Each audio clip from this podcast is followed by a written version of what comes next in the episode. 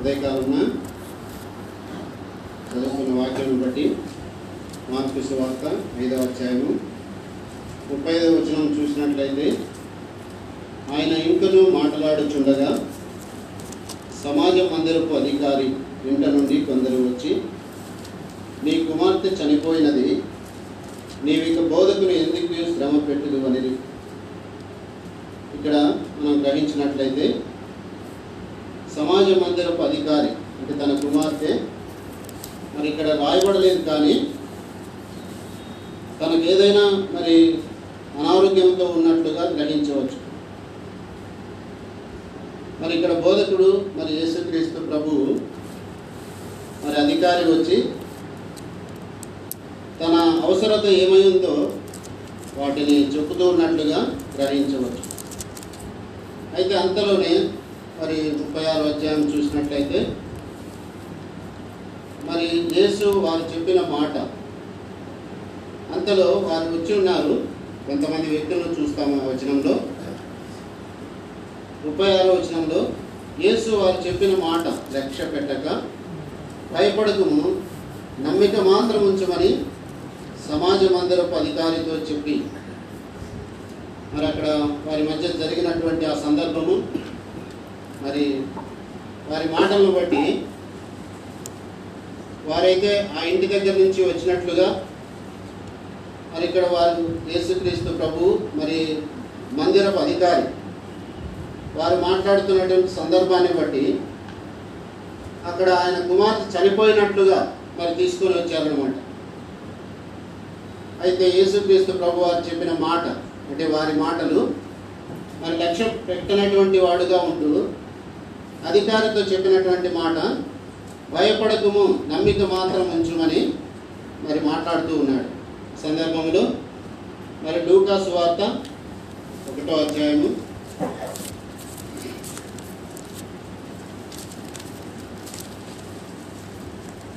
ఇరవై తొమ్మిది ముప్పై వచనాలు కలిసి ఉంటాయి. నేను చదువుతాను. ఆమె ఆ మాటకు బహుగా తొందరపడి ఈ శుభవచనం ఏమిటో అని ఆలోచించుకొని చుండగా దూత మరియా భయపడకము దేవుని వలన నీవు కృప పొందితివి. సర్వ సృష్టికర్త అయినటువంటి దేవుడు మరి మరియా మరి సృష్టికర్త అయినటువంటి దేవుని ద్వారా తన గర్భము దాల్చినట్లుగా మరి ఇక్కడ మాట్లాడుతున్న సందర్భాన్ని బట్టి తనకు కూడా కొంత ఆలోచించుకున్నటువంటి తరుణంలో మరి మరియా తొందరపడకు అని దూత మాట్లాడుతూ ఉందన్నమాట. ఇక్కడ ఏమిటంటే మనం మార్పు సువార్తలు ముప్పై ఐదు అధ్యాయం ముప్పై ఆరు వచ్చినప్పుడు చూసినట్లుగా భయపడకము అనే మాట మరి మొదటిగా వచ్చింది. ఈ వచనంలో కూడా రెండవసారి కూడా భయపడకము అని మరొకసారి మాట్లాడుతూ ఉంది అనమాట మనం గమనించినట్లయితే ప్రస్తుతము భయంకరమైనటువంటి దినాలలో మరి పదే పదే కూడా హెచ్చరించబడుతూ ఉన్నటువంటి మాట. దేవుని ద్వారా భయపడకము భయపడకమని కారణం లేకపోలేదు. మరి మనతో కూడా అనేకులైనటువంటి వారు మరి లోకం విడుస్తూ వచ్చారు. కారణం మరి ప్రస్తుతం ఉన్నటువంటి సమాజంలో మరి ఎన్నో తెగుళ్ళ ద్వారా అనేకులు మన మధ్యలో లేకుండా ఉంటున్నారు అనమాట అయితే దేవుడు సృష్టికర్త కనుక మరి ఎంతోమంది విడిచిపెట్టబడినప్పటికీ మనతో ఆదరిస్తూ కాపాడుతూ వాక్యం ద్వారా భద్రపరుస్తూ ఉన్నాడు. ఎంతైనా మనము జ్ఞాపకం చేసుకోవడానికి మరి యోగ్యత ఈ ధన్యత మనకు అనుగ్రహించిన దేవునికి ఉదయకాలమున మనం ఎట్లా ఆరాధించలేకుండా ఉంటా ఉన్నాం. మనం మనం పరీక్షించుకుంటే మన స్థితిని బట్టి మనం ఎలాగుంటూ వచ్చామో ఆ స్థితిలో దేవుడు మనం జ్ఞాపకం చేసుకొని మనమున్న స్థితిని బట్టి దేవుడు సృష్టికర్త కనుక తన కృప ద్వారా మన ప్రతి పాపములు కూడా కడిగి పవిత్రపరుస్తూ వచ్చాడు. అంతేకాదు రక్షణ అనే వస్త్రమును మనకు ధరింపజేస్తూ వచ్చాడనమాట మరి అదే రీతిగా మూడవదిగా యోహాను పత్రిక వ్యవహాన్ సువార్త క్షమించండి. వ్యవహాన్ సువార్త పన్నెండు.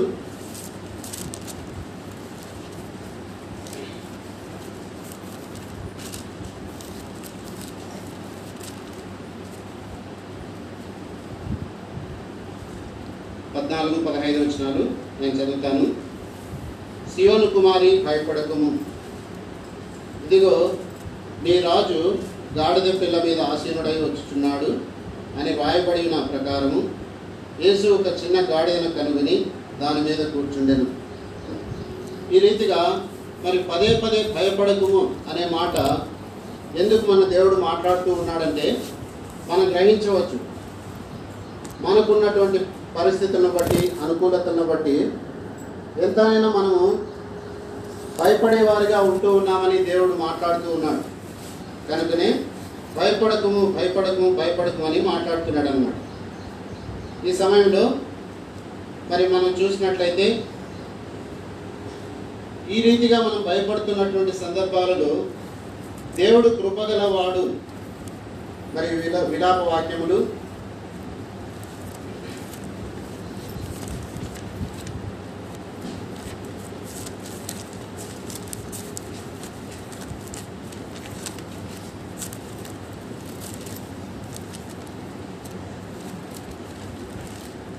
విలాప వాక్యములు మూడు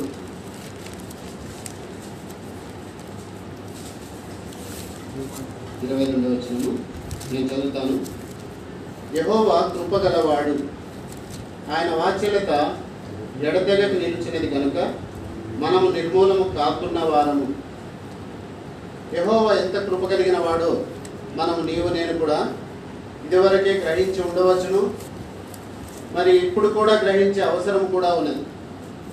మనం ఎంత భయములో మరి ఉన్నప్పటికీ దేవుడు అభయం ఇచ్చేవాడుగా కృప కలిగిన వాడుగా తన వాత్సల్యతను మన మన ఎడల కనపరిచేవాడుగా ఉంటా ఉన్నాడు. నీవు నేనైతే అనేక సార్లు మరి మనుషులకు కనపరుచుకున్నట్లుగా మరి ఎంతైనా మన లోకానుసారమైనటువంటి అంధకారంలో చీకటిలో ఉన్నప్పుడు కూడా మన ఇష్టానుసారమైనటువంటి జీవితం జీవిస్తూ వచ్చినటువంటి వారు. అయితే దేవుడు కరుణ కలిగిన కలిగిన వాడు కృప కలిగిన వాడు తన ప్రేమను మన ఎడల మరి దయపాలించేవాడిగా ఉంటా ఉన్నాడు. కనుక మరి ఎంతైనా యహో కృప కలిగినటువంటి దేవుడు కనుక నిన్ను నన్ను మరి మనం నశించుటకు తనకి ఇష్టం లేదు కనుకనే రక్షిస్తూ వచ్చాడు. మరి అలాంటి కృప కలిగిన దేవుడు మనం ఎంతైనా ఈ ఉదయకాలమున ఆరాధించుటకు బద్ధులమై ఉన్నాం. కనుక మరొక వాక్యం చూసినట్లయితే రెండవ కొరంతి ఎనిమిది తొమ్మిది. రెండవ కొరంతీలకు రాష్ట్ర పత్రిక.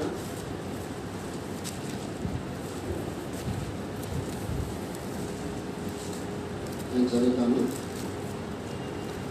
ఎనిమిదో అధ్యాయము తొమ్మిదో వచ్చిన మీరు మన ప్రభైన యేసుక్రీస్తు కృపను ఎరుగుదురు కదా? ఆయన ధనవంతుడై ఉండి మీరు తన దారిద్ర్యం వలన ధనవంతులు కావాలని మీ నిమిత్తము దరిద్రుడు ఆయన మరి మన ప్రభు యేసుక్రీస్తు మరి ఎంత ప్రేమామయుడో మరి వచనం ద్వారా మనము ఎరగవచ్చు. మనము దరిద్రమై ఉన్నటువంటి వారము అయితే తన ధనవంతుడు అయి ఉండి కూడా మనము ధనవంతులు కావాలని కోరుతూ ఉన్నాడు. మరి ఉదయకాలమున మనల్ని మనం పరీక్షించుకుంటే దేవుడు మన ఎడలా చూపుతున్నటువంటి కృప మరి ఎంత గొప్పదో. యేసుక్రీస్తు ప్రభువారు ఆయన ధనవంతుడయ్యుండి కూడా దరిద్రులైనటువంటి మనలను ధనవంతులుగా చేయాలని మరి ఎంతగానో తగ్గించుకున్నాడు. దీనుడవుతూ వచ్చాడు దరిద్రుడవుతూ వచ్చాడు. మరి నీ కొరకు నా కొరకు తను ఎంత తగ్గించుకున్నాడు అంటే మరి తన చేతులతో మేకులను కాళ్ళలో మేకులను తలలో ముళ్ళు కిరీటం పెట్టించుకున్నాడు. కారణం నీవు నేను చేసినటువంటి పాపమును పరిహరించడానికి. కనుక ఈ ఉదయకాలమున మరి ఈ మాటలతో ఎంతైనా దేవుని ఆరాధించకుండా ఉండలేమన్నమాట. మరి నీ వల్ల నీ పక్షాన చేసినటువంటి కార్యమును బట్టి నా మట్టుకు నా పక్షాన చేసిన కార్యమును బట్టి ఆ దినమును ఆ సమయమును గ్రహించి ఎంతైనా ఆరాధించబద్ధులమైన ఈ సమయంలో మరి క్లుప్తంగా నేను కూడా యేసుక్రీస్తు ప్రభు మరి నా జీవితంలో చేసినటువంటి కార్యమును కూడా నేను కొంత తెలపాలని ఆశిస్తూ ఉన్నాను. మరి ఒకనాడు నేను కూడా మరి నా జీవితంలో నేను చూసినట్లయితే నా జీవితం అంతైను నామకార్థమైన క్రైస్తవ కుటుంబం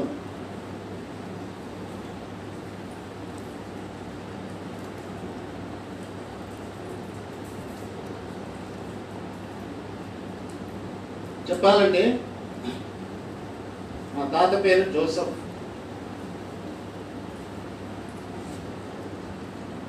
మా ఫాదర్ పేరు కూడా ఎఫ్రాయిన్ ఇలాంటి క్రైస్తవ కుటుంబంలో పుట్టినటువంటి నేను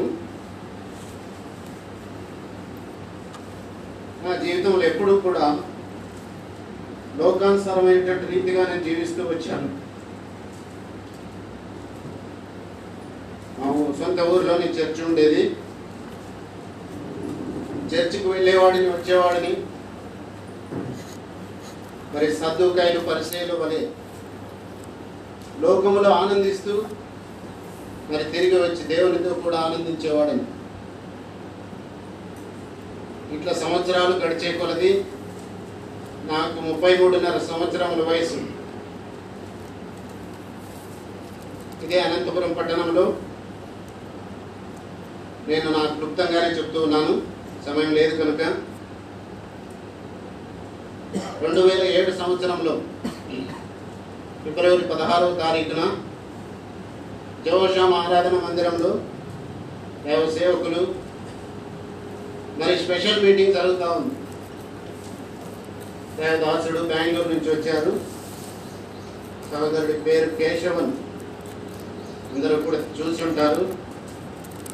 రాత్రి ఏడు గంటలకు స్పెషల్ మీటింగ్ కుటుంబంతో వెళ్ళాను. ఆ దైవదాసుడు ఒక వచనం వినిపిస్తూ వచ్చాడు. అందరికి పరిచయం అనే వచనమే. లూకాసు వార్త పంతొమ్మిది అధ్యాయం పదే వచనం. ఈ వచనము అందరికీ కంఠస్థమైనది ఉంటుంది. నశించిన దానిని వెదకి రక్షించుటకు మనుష్య కుమారుని లోకమునకు వచ్చాను. ఆ వచనం చెప్పిన తర్వాత నీవు నీ కుటుంబము నీ పిల్లలు చర్చికి వస్తున్నావు పోతున్నావు.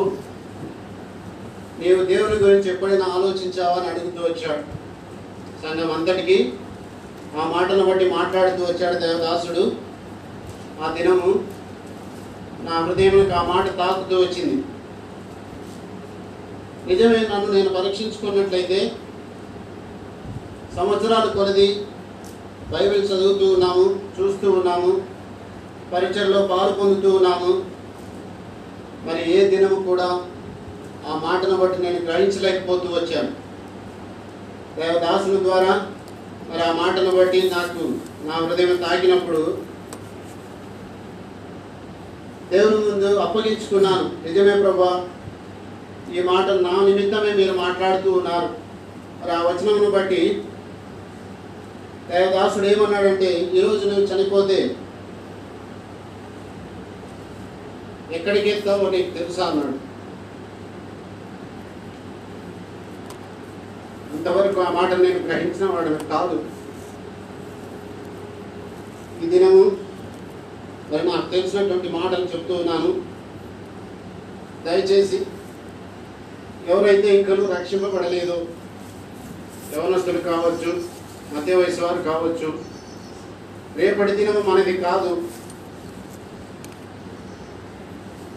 దేవుడు ఏ సమయంలో వస్తున్నాడో తెలియదు దేవుని రాకడ అతి సమీపముగా ఉన్నదని మనం గత దినాల నుండి మరి బాహాటముగా ఎరుగుదాం. కనుక నేను ఈ దినం చనిపోతే ఎక్కడికి వెళ్తానో తెలియదు ఆ దినాన్ని నాకు ఆ మాటలు నా హృదయం తాకి అప్పుడే దేవుని మోకరించి అడుగుతూ వచ్చాను. నిజమే ప్రభా మా జీవితం అంతైనా నేను మీకు అప్పగించుకోలేకపోతూ వచ్చాను. మొదటి నుంచి క్రైస్తవ కుటుంబంలో ఉన్నటువంటి వాడినే కనుక నా జీవితంలో.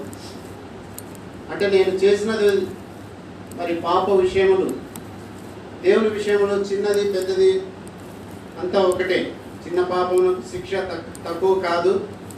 పెద్ద పాపమునకు శిక్ష ఎక్కువ కాదు. అది మనకు తెలుసు.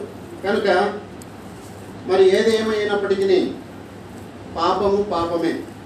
పాపం వలన వచ్చు జీతము మరణం కనుక ఎవరినూ కూడా మరి ఆలస్యం చేయకుండా మరి మాటలను బట్టి ఎవరైతే ఇంకను దేవుని చూడకుండా దేవుని అంగీకరించకుండా దేవుని హృదయంలో చేర్చుకోకుండా ఉన్నారో ఇదే నీకు రక్షణ దినము కావచ్చు. కనుక మరి నశించిన దానిని వెదికి రక్షించుటకు మనిషి కుమారుడు వచ్చిన మాటను బట్టి నేను నా జీవితం మార్చబడుతూ వచ్చింది. ఆ దినం నుండి రక్షింపబడి నా పాపములు క్షమింపబడినవని నేను గుర్తిస్తూ వచ్చాను. రక్షింపబడినవని నేను మారు పాప క్షమాపణ పొంది ఉన్నాననే కారణం కూడా మనలో అనుదినము మరి మనం మాట్లాడే మాట మన క్రియలు చూపులు వీటన్నిటిని బట్టి నిన్ను నువ్వు నన్ను నేను గుర్తించుకోవచ్చు. అయితే అట్లని రక్షింపబడి ఉన్నాను కదా? ఇంకా పర్వాలేదులే నేనేం చేసినా కూడా పర్వాలేదు అనుకోవచ్చు. అది కాదు. మరి నీ జీవితం ఆ దినం నుండి మొదలు మెట్టు మొదటి మెట్టు అది. ఇక్కడ అనుదినం కూడా నీ దేవునితో సహవాసం చేయడానికి నీ దేవునితో ప్రార్థనలో గడపడానికి ఇంకనూ నీవేమైనా మరి చేస్తున్నటువంటి పనిబాటులు పాపములు పొరపాట్లు జరుగుతున్నాయేమో సర్దుకోవడానికి.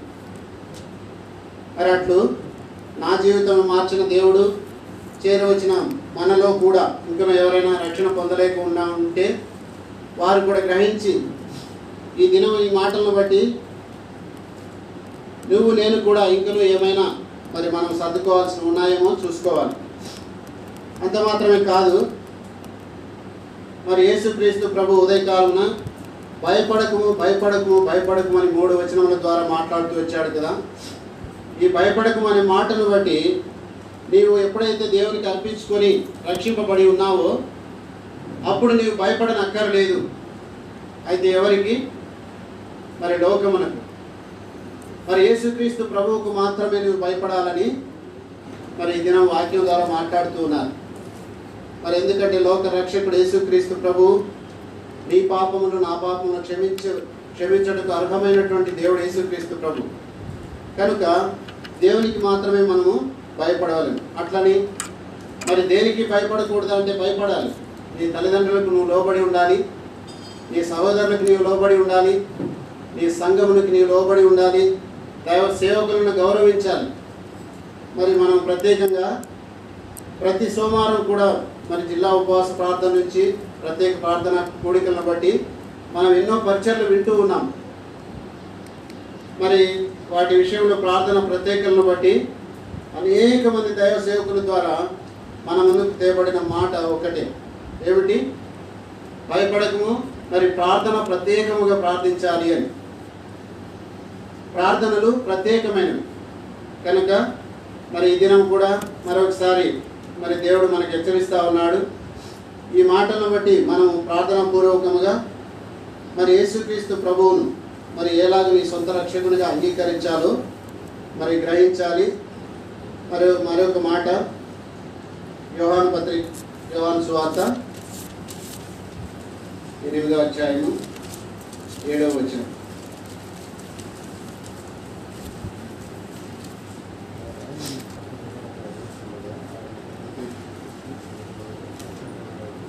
నేను చదువుతాను. యోహాను సువార్త ఎనిమిదో అధ్యాయము ఏడవ వచనం. వారు ఆయనను పట్టు వదలక అడుగుచుండగా ఆయన తల ఎత్తి చూచి మీలో పాపము లేనివాడు మొదట ఆమె మీద రాయి వేయవచ్చునని వారితో చెప్పి. ఈ పాపముతో పట్టుబడినటువంటి స్త్రీని ఈ పరిచయుల శాస్త్రులు మరి ఆ యొక్క ఒక చోటికి తీసుకుని వచ్చి తనను చంపాలని మరి ఆ ముందు మనకు తెలిసినటువంటి భాగమే. అయితే యేసుక్రీస్తు ప్రభు దగ్గర తీసుకుని వచ్చినప్పుడు ఆ ముందు జరుగుతూ ఉంది విచారణ. ఆ సమయంలో దేవుడు మాట్లాడుతున్నటువంటి మాటలు. వారు దేవుని విసిగిస్తూ పట్టు వదలక మరి అడుగుచూ ఉంటున్నారన్నమాట. అప్పుడు యేసు మరి ఈమెను మీరు రాళ్ళతో కొట్టాలని మరి చెబుతూ ఉన్నారు కాబట్టి దేవుడు ఏం మాట్లాడుతున్నాడు? ఆయన తల ఎత్తి చూచి మీలో పాపము లేనివాడు మొట్టమొదట ఆమె మీద రాయి వేయవచ్చునని వారితో చెప్పి. లోకంలో మరి పాపం చేసినటువంటి సందర్భమును బట్టి ఆ దినాలలో ధర్మశాస్త్రం ప్రకారము ఆమె శిక్షింపబడాలి. అయితే దేవుడు కృప కలిగిన వాడు కనుక పాపములు క్షమించే దేవుడు కనుక మరి ఆమెను కూడా క్షమించాలని తలంపు కలిగి ఉన్నాడు. ఈ ఉదయకాలమున ఇది కూడా మనకు ఒక హెచ్చరిక. మరి పాపములు చేసినటువంటి ప్రతి ఒక్కరిని కూడా దేవుడు క్షమించే దేవుడు. మరి అట్లు వారు తీసుకుని వచ్చినప్పుడు ఆ సందర్భంలో మరి దేవుడు వారికి ఒక ప్రశ్న వేస్తూ వచ్చారన్నమాట.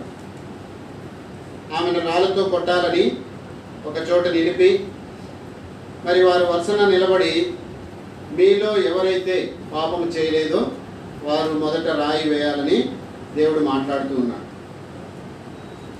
చేరు వచ్చినటువంటి వారిలో పాపము లేనటువంటి వారు ఎవరు అని గ్రహించినట్లయితే అక్కడ చివరకు మిగిలేది ఎవరు?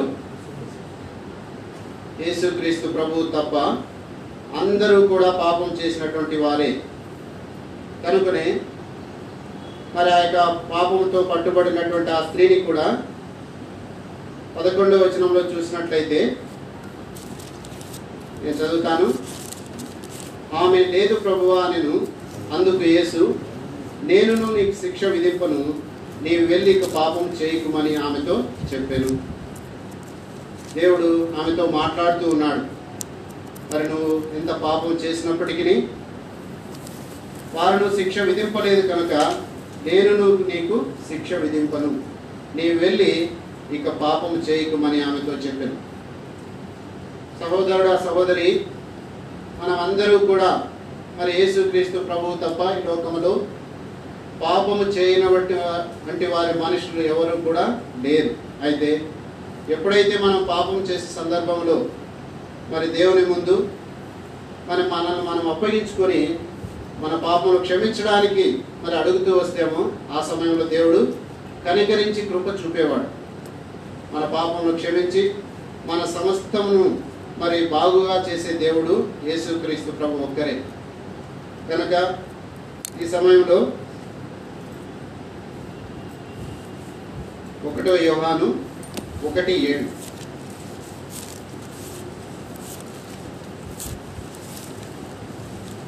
వీటన్ని పరిచయమైనటువంటి లేఖనాలే.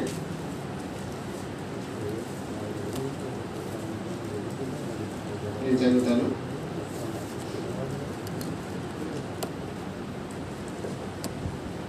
అయితే ఒకటో వ్యవహాను ఒకటి ఏడు. వ్యవహాన్ రాసిన మొదటి పత్రిక ఒకటో అధ్యాయం ఏడో వచ్చాను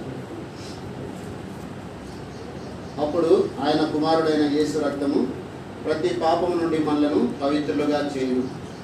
యేసు రక్తము మరి మన పాపములు కడిగి పవిత్రపరిచేది కనుక తన కుమారుడైన యేసుక్రీస్తు ప్రభువును మరి తండ్రి అయినటువంటి దేవుడు ఈ లోకంలో మరి నీవు నేను మరి ఎంత పాపమైనటువంటి స్థితిలో ఉంటా ఉన్నామో మనలను గ్రహించిన దేవుడై తనకు ఒక్కగానొక్క కుమారుడైన యేసుక్రీస్తు ప్రభువును మన కొరకు ఈ లోకమునకు పంపి తాను కాచిన రక్తము ద్వారా మన ప్రా- ప్రతి పాపములు కడుగుబడినట్లుగా మరి లేఖనం లేఖనం మాట్లాడుతుంది కనుక ఈ సమయంలో మరి అందరూ కూడా మరి ఎంతైనా మనల్ని మనం దేవుని ముందు ఒప్పించబడి అవును ప్రభా నిజమే నేను కూడా పాపిని నీ రక్తంతో నన్ను కడిగి నా పాపులు క్షమించమని అడిగినట్లయితే ఈ సమయంలో దేవుడు నిన్ను మరి కడిగేవాడిగా ఉంటూ ఉన్నాడు.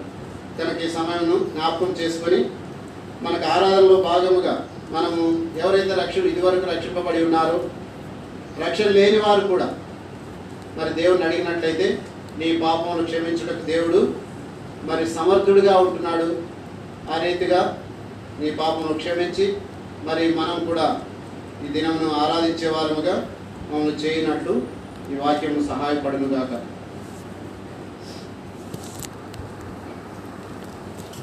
లేదు కానీ నేను అనుకుంటా ఒకవేళ చెడగొట్టడానికి వారికి ఆసక్తి ఉంటుంది. వారు మాట్లాడిన మాటల ద్వారా ఎంతో మంది చెడిపోయి ఉంటారు. వారు ప్రవర్తించిన ప్రవర్తన ద్వారా ఎంతో మంది చెడిపోయి ఉంటారంటే దేవుడు మందిరానికి రాకుండానే మారుతూ ఉంటారు వారి మాటలను బట్టి. కొంతమంది అట్లా ఉండాలని మాట మన మాటలు ఎట్లా ఉండాలంటే అనేకులు మందిరానికి నడిపించేవిగా ఉండాలి. మన మాటలు ఎట్లా ఉంటాయి కొన్నిసార్లు వచ్చిన వాళ్ళు కూడా మన మాటలు విని వాళ్ళు వీరి ద్వారా మనం వెళ్ళిపోతున్న వారికి మాలుకునే వారిగా అట్లా ఉండదు. కట్టే మాటలు. బాగు చేసేటువంటి మాటలుగా మన మాటలు ఉంటారు వారికి అలాంటి క్షేమాభివృద్ధి కలుగజేసిన మాటలు మనం మాట్లాడాలి. మనమేదో పరిశుద్ధులమని వారేదో పాపాత్ములని మనం వాళ్ళని చిన్న- చిన్న చూపు చూసి మాట్లాడితే వాళ్ళు దేవుని మందిరానికి దూరం అయిపోతారు అందుకే పౌరులు ఏం చేశారంటే తన ఎదుర్కు వచ్చే వారందరినీ ఏం చేశారంటే సన్మానించారు గంగా మార్చుకొని ప్రార్థన చేస్తున్నారు. అపోస్తుల కార్యములు.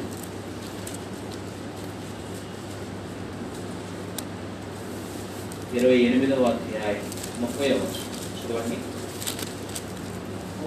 పౌలు రెండు సంవత్సరములు పూర్తిగా తన అద్దె ఇంట కాపురం ఉండి తన ఎద్దుకు వచ్చి వారిని అందరినీ సన్మానించి మన ఎద్దుకు వచ్చే వారందరినీ మనం ఏం చేయాలా? సన్మానించాలి. కొత్తగా వచ్చిన వారిని ప్రేమతో పలకరించాలి వారిని గౌరవించాలి వారిని సన్మానించాలి వారి బాధలేంటి అడగాలి. అంతేగాని మనం ఏదో కఠినంగా వారితో మాట్లాడి వారిని కలవకుండా వారితో మాట్లాడుకుంటూ ఉంటే వారికి ఆదరణ దొరకదు.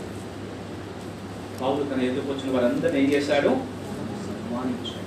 మనం ఇట్లా చేస్తే ఎప్పుడో మన మందిరం ఇట్లా ఉండేది? కాదు. మందిరం ఎప్పుడో విస్తరించి ఉండేది.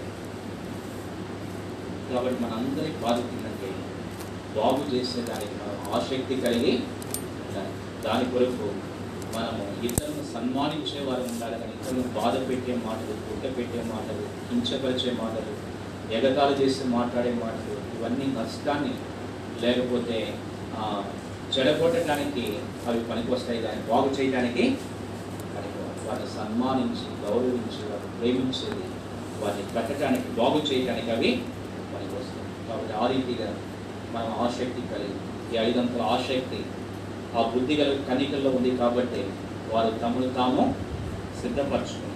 ఈ ఐదంతల విషయంలో ఈ ఐదు విషయాలు మనం కూడా ఆసక్తి కలిగి ఉంటే ప్రభు రాకుడు కొరకు మనల్ని మనం సిద్ధపరచుకుంటాం. ప్రభు వస్తే కాబట్టి ఈ వాక్యపు వెలుగులో పరీక్షించుకొని మన బలలో పాల్గొని దయచేసి మోకరించండి. మీరు సిద్ధముగా ఉండండి. అదే మతైసు వార్త ఇరవై ఐదవ అధ్యాయం పదవచనం. కలిసి చదువుకుంటాం. మతైసు వార్త ఇరవై ఐదవ అధ్యాయం పదవచనం. వారు పెళ్ళి కుమారుడు వచ్చాను అప్పుడు సిద్ధపడి ఉన్న వారు అతనితో కూడా పెళ్ళి విందుకు లోపలికి పోయేది. ప్రార్థన చేస్తాం.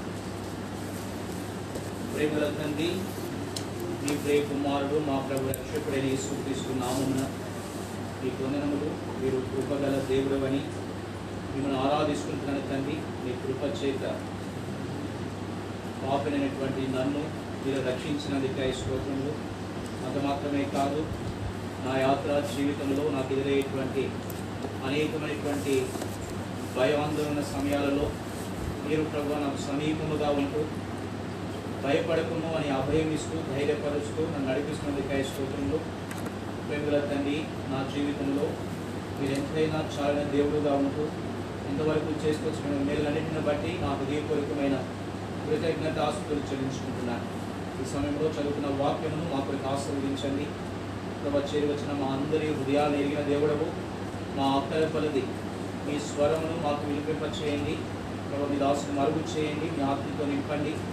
ప్రభా మీ వాక్కును మా కొరకే స్వేచ్ఛలో విడుదల చేయమని. అని తగ్గించుకుంటూ రక్త ప్రోక్షణ కింద తెచ్చుకుంటూ యేసు ప్రభు నామమున స్తుతించి ప్రార్థించి వేడుకుంటున్నాము తండ్రి. మనం గత కొన్ని వారాలుగా ధ్యానం చేసినట్లు ప్రభు యొక్క రాకడ కొరకు మనం సిద్ధపాటు కలిగి ఉండాలని ప్రభు మనతో మాట్లాడుతూ ఉన్నాడు అందుకే మతేశ్వ వార్త నలభై నాలుగవ ఇరవై నాలుగవ అధ్యాయము నలభై నాలుగవ వచనంలో ప్రభు అన్నాడు మీరు అనుకుని గడియల్లో మనిషి కుమారుడు వచ్చును గనుక. కాబట్టి ప్రభు ఎప్పుడు వస్తాడని మనం అనుకునని గడియలో రాబోతున్నాడు కాబట్టి మీరు సిద్ధముగా ఉండండి అని ప్రభు హెచ్చరిస్తా ఉన్నాడు. కనుక ఈ దినాల్లో మనం కూడా ప్రభు రాకడ దినాల్లో మనం ఉన్నాం కనుక సిద్ధపడాలి అని ప్రభు మనతో మాట్లాడుతూ ఉన్నాడు. సువార్త ఇరవై ఐదు పదిలో మనం చదువుకుందాం. అప్పుడు సిద్ధపడి ఉన్న వారు లోపల ప్రవేశించే కనుక సిద్ధపాటు ఎవరిలో ఉందో వారు లోపల ప్రవేశించారు. సిద్ధపాటు లేనటువంటి వారందరూ కూడా విడవబడినట్లుగా చూస్తూ ఉన్నాం. కనుక మనము ఆ బుద్ధి లేనటువంటి కన్యకలు వారు ఎందుకు విడవబడ్డారు? దానికి కారణం ఏంటంటే మనం కొన్ని విషయాలు గత వారాల్లో చూసాం మొదటి కారణం ఏంటి? బుద్ధి లేని కన్యకలు విడవబడటానికి మొదటి కారణం ఏంటంటే సౌందర్యం వ్యర్థం సామెతల గ్రంథం పదిహేనవ అధ్యాయము ఏడవ వచనం ప్రకారము బుద్ధిహీనుల మనస్సు స్థిరమైంది కాదు. ఎందుకు వారు విడవబడ్డారంటే వారిలో స్థిరత్వ స్థిరత్వము లేదు. వారి మనసు స్థిరముగా లేదు కాబట్టి చంచల మనసు వారు కలిగి ఉన్నారు కాబట్టి వారు విడవబడ్డారు. కనుక రెండవ కారణం ఏంటంటే వారు వ్యర్థమైన వాటిని అనుసరించారన్నమాట. వ్యర్థమైన వాటిని వారు అనుసరిస్తూ ఉన్నారు కాబట్టి వారు విడవబడ్డారు. వ్యర్థమైనవి ఏంటి? ఇప్పుడు చెప్పండి. ఏంటి? మనుషుల సౌందర్యం. వ్యర్థమైనది ఏంటి మొదటిగా? సౌందర్యం. సౌందర్యం. రెండవది? మనుషుల ఆచారములు. జనముల ఆచారములు వ్యర్థం. ఆ, వ్యర్థం. మూడవది? విగ్రహాలు. వ్యర్థ. విగ్రహాలు వ్యర్థం.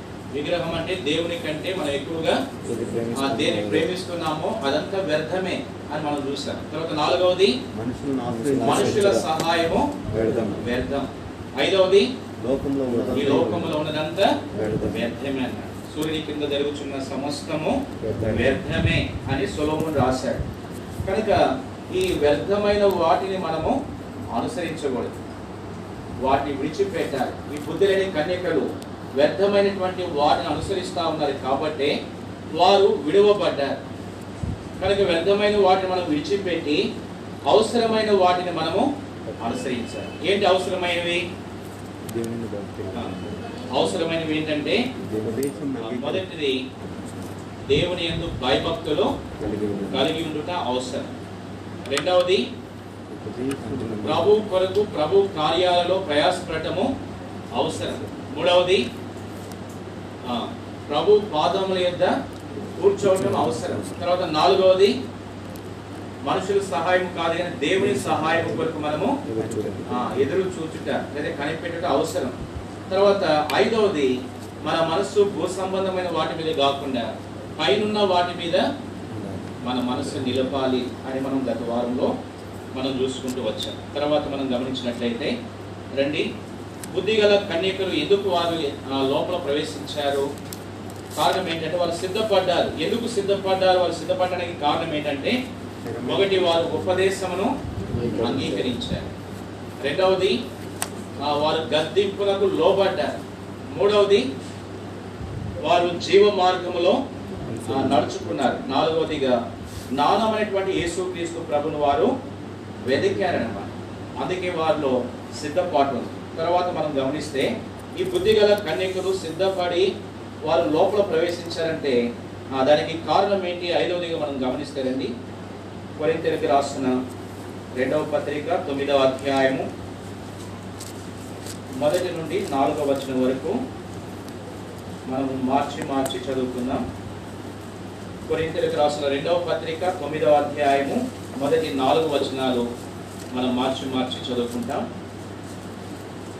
పరిశుద్ధుల కొరకైన ఈ పరిచయను గురించి నీ పేరు రాయుటకు నాకు అగత్యము లేదు. మీ మనసు సిద్ధమై ఉన్నదని ఎరుగుదును. అందువలన సంవత్సరం నుండి అకయ సిద్ధపడి ఉన్నదని చెప్పి నేను మిమ్మల్ని గూర్చి మాసిధోనియా వారి ఎదుట అతిశయపడుచున్నాను. మీ ఆసక్తిని చూచి అనేకులు ప్రేరేపింపబడిరి. అయితే మిమ్మల్ని గూర్చిన మా అతిశయం ఈ విషయంలో వ్యర్థము కాకున్నట్లు నేను చెప్పిన ప్రకారం మీరు సిద్ధముగా ఉండుటకై ఈ సహోదరులను పంపితిని. ఉండే ఒకవేళ వారైన నాతో కూడా వచ్చి మీరు సిద్ధంగా ఉండకపోవట చూచినడలా మీ నమ్మి మీ ఎన్నిక కలిగినందుకు మేము సిగ్గుపరచబడతాము. మీరును సిగ్గుపరచబడతారని ఇక చెప్పనేలా.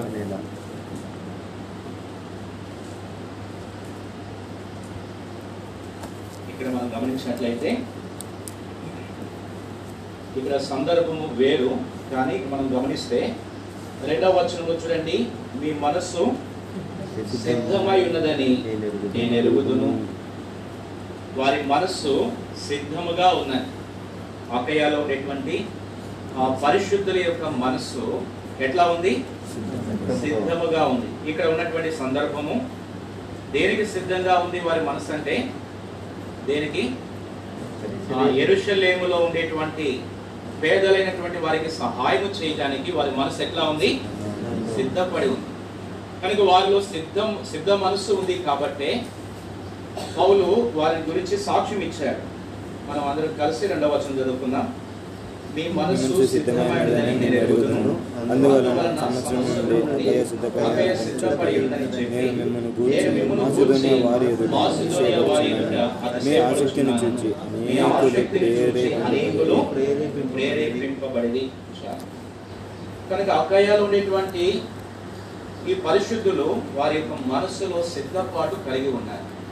వారు ఎట్లా సిద్ధపడ్డారు అని మనం గమనించినట్లయితే వాళ్ళలో వారిలో ఏముంది అంటే మీ ఆసక్తి అని రాయబడింది. వాళ్ళు ఏముంది? ఆసక్తి ఉంది. కనుక ఆసక్తి ఉంది కాబట్టే ఏ విషయంలో? పేదవారికి సహాయం చేసే విషయంలో వారికి ఏముంది? ఆసక్తి ఉంది కాబట్టి వారి హృదయంలో వారు సిద్ధపడ్డారు. వారి మనసు సిద్ధముగా ఉంది.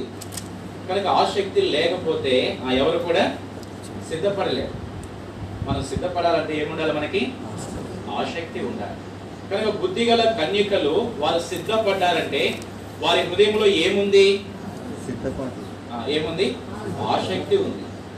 ఆసక్తి లేకుండా మనము సిద్ధపడలేము కనుక ఆసక్తి మన లోనికి రావాలంటే ఎప్పుడు వస్తుంది? ఎప్పుడు మనకు ఆసక్తి మనం కలిగి ఉంటాం? ఎప్పుడంటే ఒక దాని మీద మనకు ఆశ ఉన్నప్పుడు దాని విషయమే మనకి ఏం కలుగుతుంది? ఆసక్తి కలుగుతుంది. ఆశ లేకుండా ఆసక్తి వస్తుందే? రాదు. ఇప్పుడు మంచి బిర్యానీ చేసుకొని తినాలి అనే ఆశ ఉంటే అప్పుడేమొస్తుంది బిర్యానీ చేయాలనే ఆసక్తి వస్తుంది. లేకపోతే వస్తుందే? బిర్యానీ తినాలని ఆశ నీకు లేదు దాన్ని చేయాలని ఆసక్తి వస్తుందే? రాదు. ఏదో ఒకటి లేదు చేసుకుని తినేద్దాం అనుకుంటా. అదే బిర్యానీ తినాలనే ఆశ నీలో ఉంటే ఆసక్తి కలిగి ఆ బిర్యానీ చేసుకుంటా. అదే రీతిగా మనం ఏదైనా సరే ఒక దాని విషయం మనకు ఆసక్తి ఉన్నప్పుడు మాత్రమే ఆశ ఉన్నప్పుడు మాత్రమే ఆసక్తి వస్తుందన్నమాట. కనుక ఇక్కడ బుద్ధి గల కన్యకలకు ఉన్న ఆశ ఏంటంటే పెండ్లి కుమారుడు వచ్చినప్పుడు మేము లోపల ప్రవేశించాలి అనే ఆశ వారికి ఉంది కాబట్టి ఆసక్తితో తమను తాము సిద్ధపరచుకున్నారు. కనుక ఇప్పుడు ఎవరికైతే యేసు ప్రభు వచ్చినప్పుడు ఆయన ఎదుర్కోవాలి అనే ఆశ ఉంటుందో వారు మాత్రమే ఏం చేస్తారు? తమను తాము ఆ ఆసక్తితో సిద్ధపరచుకుంటారు. కనుక ఈ బుద్ధిగల కన్నికల్లో ఏముందంటే ఆసక్తి ఉంది. కనుక మన ప్రభు రాకుడి కొరకు సిద్ధపడటానికి మనకు అవసరమైంది. ఏంటంటే ఐదవది ఆసక్తి అవసరం. ఆసక్తి లేకపోతే మనకు సిద్ధపాటు ఉండదు. బుద్ధి లేని కన్నికల్లో ఈ ఆసక్తి లేదు కాబట్టి వారు సిద్ధపడలేదు అందుకే వారంతా విడవబడ్డారు. కనుక మనం ఏ ఏ విషయాల్లో ఆసక్తి కలిగి ఉండాలి? అని మనం గమనించినట్లయితే మొట్టమొదటిగా మన ప్రభు రాకుల కొరకు మనం సిద్ధపడాలంటే మనకు ఉండవలసినటువంటి ఆసక్తి వేటి విషయంలో అంటే రండి మొదటిగా అపోస్తుల కార్యములు ఇరవై ఒకటవ అధ్యాయం ఇరవై వచనం. చదవండి. అపోస్తుల కార్యములు ఇరవై ఒకటవ అధ్యాయము ఇరవై వచనం. వారు విని దేవుని మహిమపరిచి అతని చూచి సహోదరుడా యూదులలో ఎన్ని వేల మంది ఉన్నారో? చూచుచున్నావు కదా. వారందరూ ధర్మశాస్త్రమందు ఆసక్తి గలవారు. వారందరూ దేని ఎందు ఆసక్తి అంటే వారికి? ధర్మశాస్త్రం నందు వారి ఆసక్తి గలవారు. ధర్మశాస్త్రం అంటే దేవుని వాక్యం. కనుక దేవుని వాక్యం పట్ల మనకు ఆసక్తి ఉండాలి. మన ప్రభు రాకడ కొరకు సిద్ధపడాలంటే మొదటిగా దేని ఎందు మనకు ఆసక్తి ఉండాలి? దేవుని వాక్యం పట్ల ఆసక్తి ఉండాలి. అందుకే బెరయాలో ఉండేటువంటి ఆ విశ్వాసుల గురించి మనం ఏం చదువుతామంటే రండి. అది అపోస్తుల కార్యములు పదిహేడవ అధ్యాయము. చదవండి పదకొండవ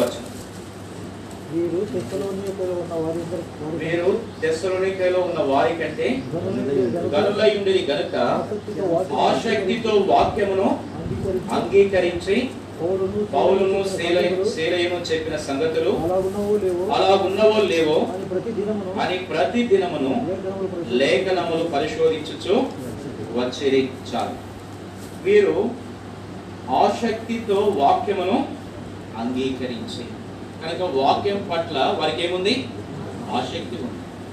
ఆసక్తి ఉంది కాబట్టి ఆసక్తితో ఆ వాక్యాన్ని ఏం చేశారంటే? అంగీకరించారు. కనుక బుద్ధి గల కన్యకలు వారు సిద్ధపడ్డారంటే వారిలో ఆసక్తి ఉంది. దేని మీద ఆసక్తి ఉందంటే మొదటిగా దేని మీద? దేవుని వాక్యం మీద. వారికి ఏముంది? ఆసక్తి దేవుని వాక్యం పైన ఆసక్తి లేకపోతే మనం ప్రభు రాకుల కొరకు సిద్ధపడలేం.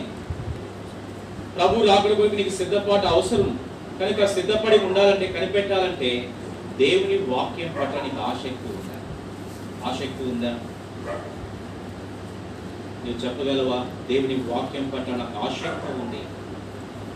దేవుని వాక్యం పట్ల ఆసక్తి ఉంటే ఏం చేస్తాం? ఏం చేస్తాం? దేవుని వాక్యం పట్ల ఆసక్తి మనలో ఉన్నప్పుడు ఈ వాక్యం మనం ప్రేమిస్తాం. కనుక వాక్యం పట్ల ఆశ మనలో ఉంటే ఆసక్తి వస్తుంది. అప్పుడు ఆసక్తి ఉన్నప్పుడు దాన్ని మనము ప్రేమిస్తాం. కనుక మనం దేవుని వాక్యాన్ని నిజంగా ప్రేమిస్తున్నామా? దేవుని వాక్యం పట్ల ఎంత ఆసక్తి మనం కలిగి ఉన్నాం? విశ్వాసమే కానీ వాక్యం పట్ల ఆసక్తి లేకపోతే మనం ఏమవుతుంది బుద్ధి లేని వారంగా అయిపోతాం. బుద్ధిహీనులు అయిపోతాం. బుద్ధిహీనులుగా ఉన్నప్పుడు ప్రభు వస్తే విడిచిపెట్టబడతాం. అందుకే దేవుని వాక్యం పట్ల ఆసక్తి మనం కలిగి ఉండాలి. కీర్తనకారుడు చూడండి. దావీదు మనం గమనించినట్లయితే నూట పంతొమ్మిదవ కీర్తన. డెబ్బై రెండవ వచనం చదవండి. వేల కొలది వేల కొలది వెండి బంగారు వెండి బంగారు నాణెముల కంటే నాణ్యముల కంటే నీవిచ్చిన ధర్మశాస్త్రము నీవిచ్చిన ధర్మశాస్త్రము నాకు మేలు. నాకు మేలు. దేవుని యొక్క వాక్యము తనకు మేలని. దేనికంటే? వెండి బంగారు. దేనికంటే? వేల కొలది వెండి బంగారు నాణ్యముల కంటే. చూసారా? మన ఏదైతే ఈ రెండు పెట్టారనుకోండి. ఏంటి కొలది వెండి బంగారం ఒక ప్రక్క. ఒక ప్రక్క దేవుని వాక్యాన్ని పెట్టారనుకోండి నీకు దేని పట్ల ఆసక్తి ఉంటుంది? నువ్వు ఏదైనా తీసుకోవచ్చు అన్నారనుకోండి నీ ముందు పెట్టి.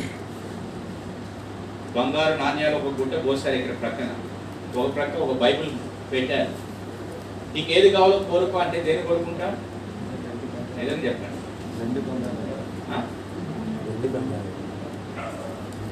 ఎంతమంది బైబిల్ కోరుకుంటారు చేయొద్దండి నిజంగా చెప్పండి. మాకు బైబిలే కావాలన్న వాళ్ళు చేయొద్దండి చాలా సంతోషం. కొంతమంది ఉన్నారు. కొంతమంది యథార్థం ఒప్పుకున్నారు. అది కూడా సంతోషం. అంటే బైబిల్ చెప్తా ఇక్కడ కీర్తనకాడు అంటా ఉన్నాడు. ఏమంటాడంటే వేల కొలది వెండి బంగారు నాణ్యముల కంటే నాకు ఏది మేలు? నీవిచ్చిన వాక్యం. నీ ధర్మశాస్త్రం. కనుక నీ వాక్యం నాకు మేలు అన్నాడు. ఎందుకంటే వెండి బంగారం ఎంత ఉన్నా నీ ఇంటి నిండా బంగారపు కాసులు ఉన్నా అవి నీ ప్రాణాన్ని రక్షించలేవు. అయితే ఈ వాక్యం ఏం చేస్తుంది? మనల్ని రక్షిస్తుంది. చూడండి యాభై వచనం ఉన్నటువంటి అదే నూట పంతొమ్మిదవ కీర్తన యాభై వచనం. నీ వాక్యము నీ వాక్యము నన్ను బ్రతికించి ఉన్నది నన్ను బ్రతికించి ఉన్నది ఆ నీ వాక్యము నన్ను ఏం చేస్తుంది? బ్రతికిస్తా ఉంది. నీ డబ్బు నిన్ను బ్రతికించలేదు. ఎంత బంగారం ఉన్నా ఎంత వెండి ఉన్నా నిన్ను బ్రతికించలేదు. అందుకనే ఆ పుట్టినది మొదలుకొని కుంటివాడైనటువంటి వ్యక్తి దేవాలయం దగ్గర కూర్చొని కూర్చొని ఉన్నాడు. కూర్చొని ఆ, అడుక్కుంటా ఉన్నాడు. ఎంత అడుక్కొని అడుక్కొని ఎంత సంపాదించాలో మనకి తెలియదు ఆ దినాల్లో మరి వెండి బంగారాలు ఇచ్చేవాళ్ళని తెలియదు కానీ పేతురు యోహాన్లు ఏమన్నారు మా దగ్గర వెండి బంగారములు లేవు అంటే దాని అర్థం ఆ దినాల్లో ఒకవేళ ఇచ్చేవారేమో అడుక్కునే వారికి కూడా. ఇప్పుడైతే ఇవ్వలేండి ఇప్పుడు ఎవరైనా ఇస్తారా? వెండి బంగారం ఇస్తారు అడుక్కునే వాళ్ళకి. నోట్లు కూడా ఎవరికి? కాయిన్స్ ఉంటే ఇస్తారు. దినాలు ఇచ్చారని తెలియదు. మరి పేదరి యోగాల్లో ఆ మాట ఎందుకన్నారో మనకి?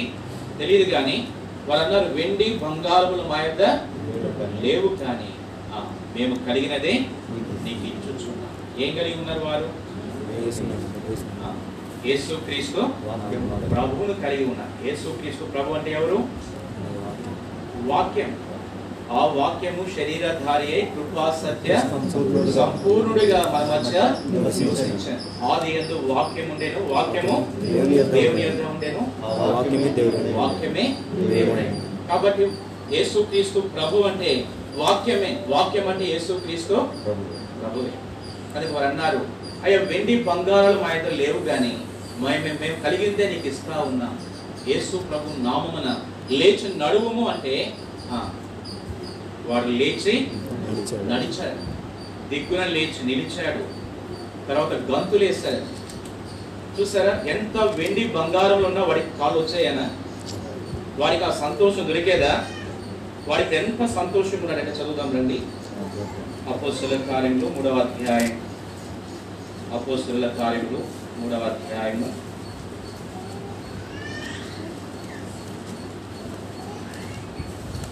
ఆరో వచనం చదవండి. అంతటా పేతురు అంతటా పేతురు వెండి బంగారములు నా యొక్క లేవు గాని నాకు కలిగినదే నీకు ఇచ్చుచున్నాను. నజరుడైన యేసుక్రీస్తు నామమున నడువమని చెప్పి వాని కుడి చేయి పట్టుకొని లేవనెత్తెను. వెంటనే వాని పాదములను శీలమండలను బలము పొందెను.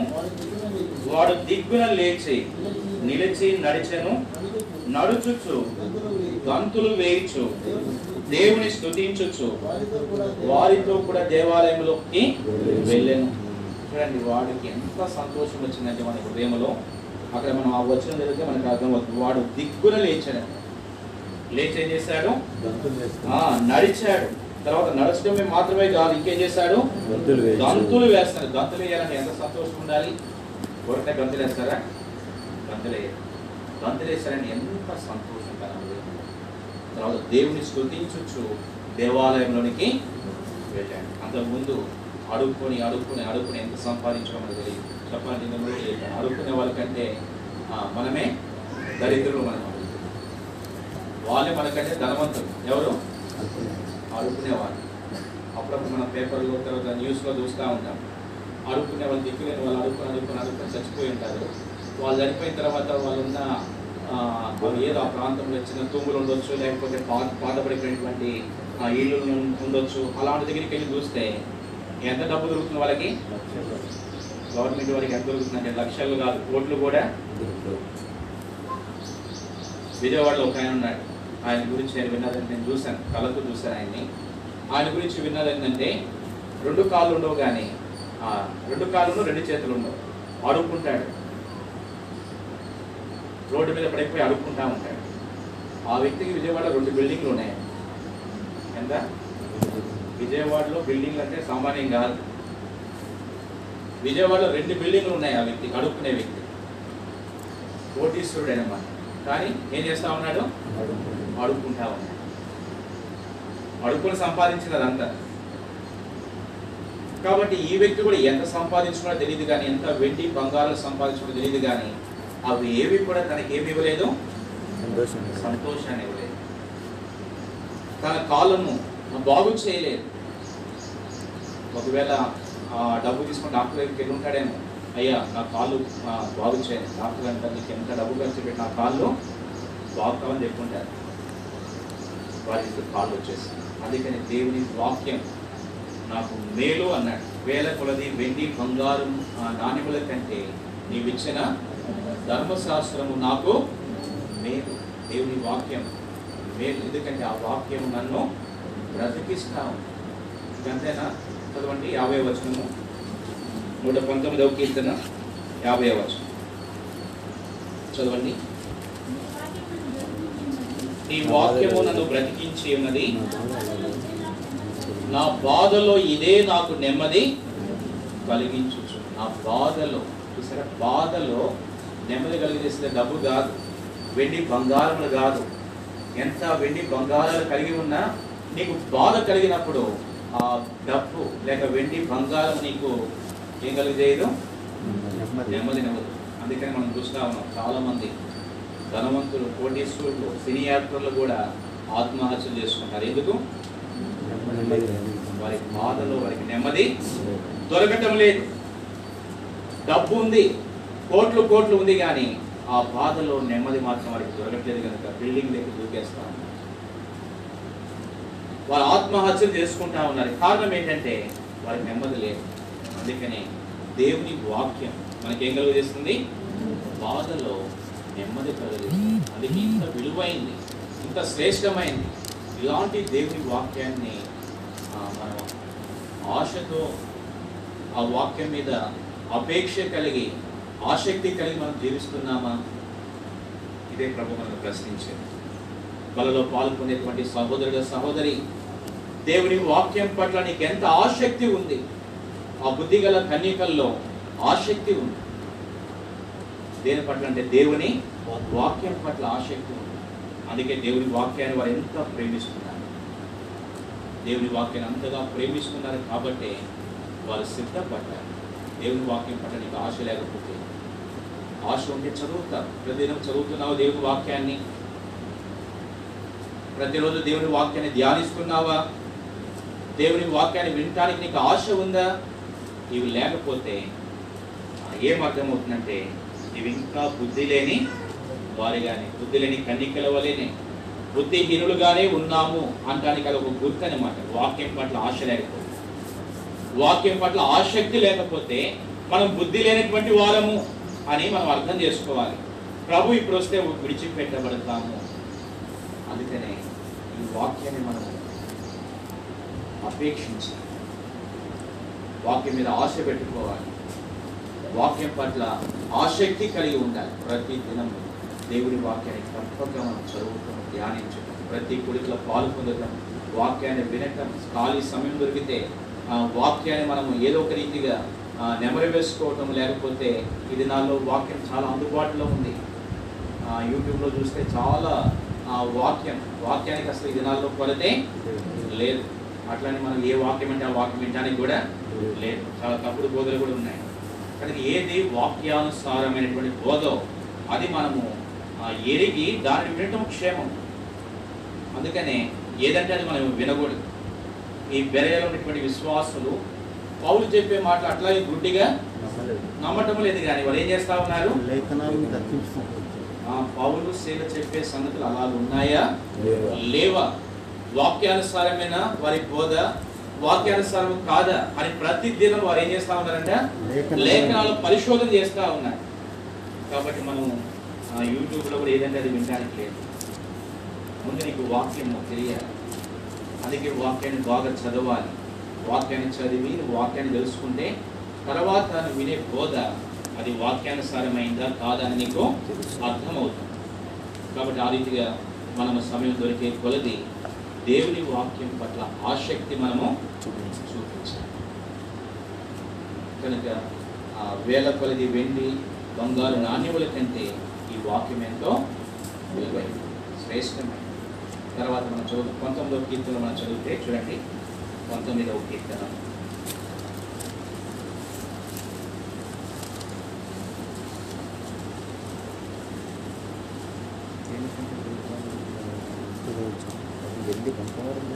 చదవండి ఎనిమిదవ వచనం నుండి.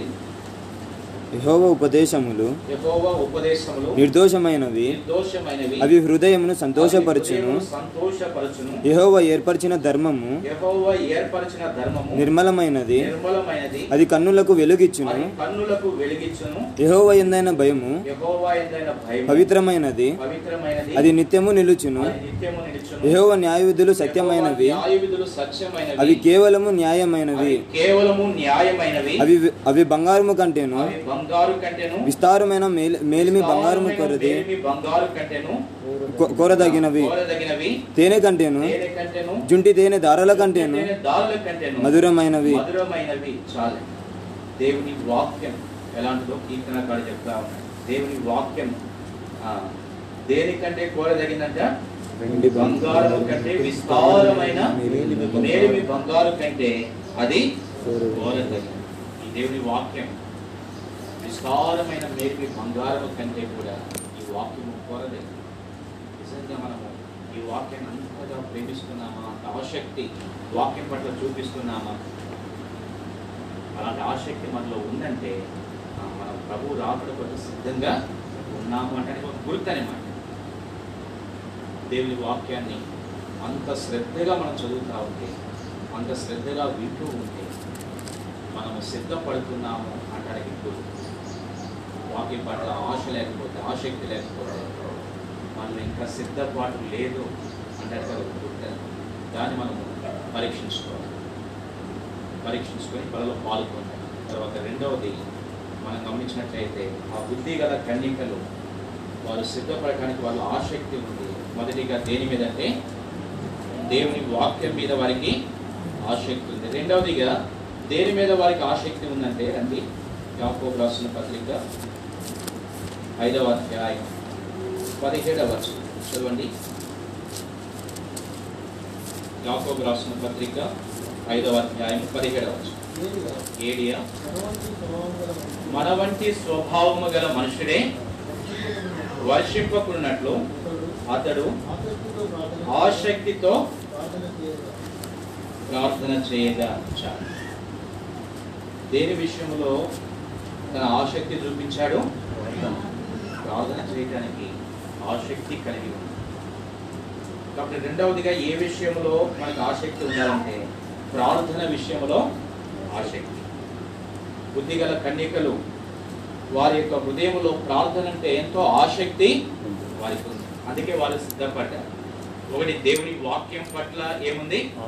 ఆసక్తి ఉంది. ఆ రెండవది ప్రార్థన పట్ల ప్రార్థన పట్ల వారి హృదయంలో ఏముంది. ఆసక్తి.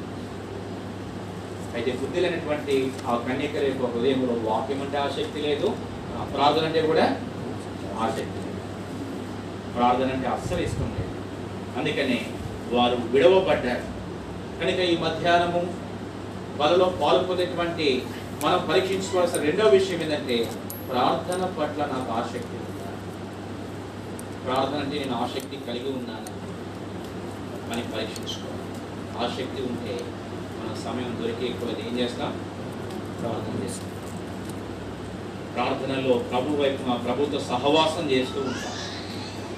కనుక ఈ ప్రార్థన ఏం చేస్తుంది? ఆసక్తితో కూడినటువంటి ఈ ప్రార్థన మనల్ని శోధన నుండి తప్పిస్తుంది. యేసు ప్రభు చెప్పాడు మీరు మెలకువగా ఉండి ప్రార్థన చేయండి. చూడండి. మత్తయి సువార్త ఇరవై ఆరవ అధ్యాయము నలభై ఒకటవ చదవండి. మీరు శోధనలో ప్రవేశించుకుంటున్నట్లు మీరు శోధనలో ప్రవేశించకున్నట్లు మెలుగుగా ఉండి మెలకువగా ఉండి ప్రార్థన చేయుడి. ప్రార్థన చేయుడి. కాబట్టి నీకు ఎదురయ్యే శోధన తప్పించుకోవాలంటే ఏముండాలి? ప్రార్థనలో ఆసక్తి కలిగి ఉండాలి. ప్రార్థనలో నీకు ఆసక్తి ఉంటే నీ జీవితంలో ఎదురయ్యేటువంటి శోధనలన్నిటి నుండి తప్పించుకుంటావు. ఆ శోధనలు జయిస్తావు. శోధనలో పడిపోవు. కనుక ప్రార్థన పట్ల ఆసక్తి లేకపోతే శోధనలలో పడిపోతారు తర్వాత రెండవది ఆ ప్రార్థన పట్ల ఆసక్తి మనం కలిగి ఉండటం ద్వారా ఏం జరుగుతుంది చూడండి లూకాస్ వార్త ఇరవై ఒకటవ అధ్యాయం ముప్పై ఆరవ చదవండి. కాబట్టి మీరు జరగబో వీటి నెలను తప్పించుకుని మనుష్య కుమారుని ఎదుట నిలవబడుటకు శక్తి గలవారగునట్లు ఎల్లప్పుడూ ప్రార్థన చేయొచ్చు కాబట్టి నీ ఆత్మల్లో శక్తిని పొందాలంటే ప్రార్థన పట్ల నీకు ఆసక్తి అవసరం. ఎవరైతే ప్రార్థన పట్ల ఆసక్తి కలిగి ఉంటారో వారు ఆత్మలో శక్తి గలవారై ఉంటారు. ఆత్మలో బలపరచబడతారు. ప్రార్థన పట్ల ఆసక్తి లేకపోతే మన ఆత్మలో కూడా ఏమైపోతాం? బలహీనలేదు చాలా మందికి ఆత్మలో బలవంతులుగా ఉండాలని ఆశ ఉంటుంది కానీ ఏం చేయరు? ప్రార్థన మాత్రం చేయరు ప్రార్థన చేయకుండా బలపరచబడలేం. ప్రార్థన చేయకుండా మనం ఎదగలేం. కనుక మనం ఆత్మీయంగా ఎదగాలంటే ఆత్మీయంగా బలం పొందాలంటే ప్రార్థన పట్ల మనకు ఆసక్తి ఉండాలి. తర్వాత మూడవది చూడండి యోహాన్ సువార్త పదహారవ అధ్యాయము ఇరవై నాలుగవ చదవండి. ఇది వరకు మీరేమియో? నా పేరట అడగలేదు. మీ సంతోషము పరిపూర్ణమగినట్లు అడుగుడి. ప్రభు అన్నాడు అడుగుడి లేకపోతే ప్రార్థన చేయుడి. దేని కొరకు? మీ సంతోషము పరిపూర్ణం అవ్వాలంటే ప్రార్థన ఎందు ఆసక్తి కలిగి ఉండాలి నీ హృదయంలో సంతోషం పరిపూర్ణం కావాలంటే ప్రార్థన పట్ల ఆసక్తి కావాలి. సంతోషం కావాలి సంతోషం ఉండాలని ఆశ ఉంటుంది కానీ ప్రార్థన అంటే ఆసక్తి ఉండదు ఇంకా సంతోషం ఎక్కడి నుంచి వస్తుంది? లోకం ఇచ్చే సంతోషం ఎలాంటిది? తాత్కాలికమైనది. కొంతసేపు ఉండేది. అంతసేపు ఉండదు. తర్వాత మళ్ళా అది మళ్ళీ కనపడదు. మళ్ళా ఆ సంతోషం పోతుంది. అయితే ఈ సంపూర్ణమైనటువంటి పరిపూర్ణమైనటువంటి సంతోషం మనం కలిగి ఉండాలంటే ప్రార్థన పట్ల మనకు ఆసక్తి ఉండాలి. అంటే ప్రార్థన పట్ల ఆసక్తి కలిగి ఉంటే ఎన్ని మేలులు? శోధన నుండి తప్పించబడతాం. తర్వాత ఆత్మలో బలపరచబడతాం మన సంతోషము ఆ, సంపూర్ణం చేయబడుతుంది. తర్వాత నాలుగోది చూడండి తిమోతికి రాసిన మొదటి పత్రిక రెండవ అధ్యాయం మొదటి రెండు వచనాలు. చదవండి. మనము సంపూర్ణ భక్తియు మాన్యతయు కలిగి నెమ్మదిగాను సుఖముగాను బ్రతుకు నిమిత్తము అన్నిటికంటే ముఖ్యముగా మనుషులందరి కొరకును రాజుల కొరకును అధికారులందరి కొరకును విజ్ఞాపనలను ప్రార్థనలను యాచనలను కృతజ్ఞతాస్థుతులను చేయవలనని హెచ్చరించుచున్నాను.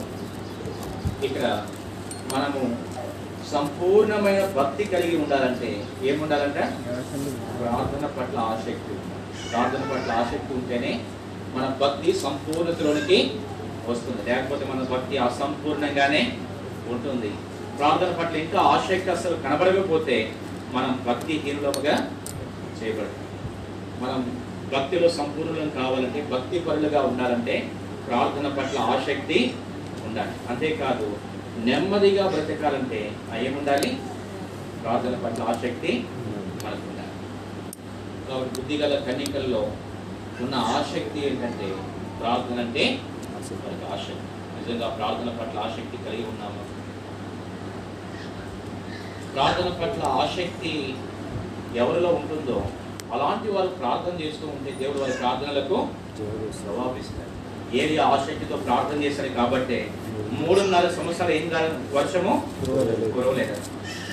ఆశ అంటే మనలో ఆసక్తి వస్తుంది అన్నమాట కాబట్టి మనం ఆసక్తి కలిగి ప్రార్థన చేసినప్పుడు దేవుడు తప్పక ఆ ప్రార్థన వింటాడు. మన ప్రార్థన చేసుకున్న జవాబు రావట్లేదంటే దానికి కారణం ఏంటి? ప్రార్థన పట్ల ఏమీ లేదు. ఆసక్తి లేదు. ఏదో అడగాలి కాబట్టి అడుగుతాం. చేయాలి కాబట్టి చేస్తాం. అందుకని అలాంటి ప్రార్థనలకు జవాబు రాదు. ఆసక్తి లేకుండా చేసే ప్రార్థనల్లో జవాబు దొరకదు. ఆసక్తి కలిగి చేసేటువంటి ప్రార్థనలో ఏం దొరుకుతుంది? జవాబు దొరుకుతుంది. నిజంగా మనం ఆసక్తితో ప్రార్థన అంటే ఆసక్తి కలిగి మనం ప్రార్థన చేస్తూ ఉంటే దేవుడు ఆ ప్రార్థనలకు జవాబు తప్పక ఇస్తారు కనుక ఎందుకు ఆసక్తి ఉండదు? వారి ప్రార్థనలకు జవాబు రావటం లేదు. ప్రభు వినలేదు కారణం ఏంటంటే వాళ్ళ ఆసక్తి లేదు కాబట్టి. ఎందుకు లేదు అని మనం చూస్తే చూడండి కీర్తనలు అరవై ఆరు పద్దెనిమిది. చదవండి. అరవై ఆరో కీర్తన పద్దెనిమిదవ వచనం. నా హృదయములో నేను పాపమును లక్ష్యము చేసిన ఎడల ప్రభువు నా మనవి వినకపోవును.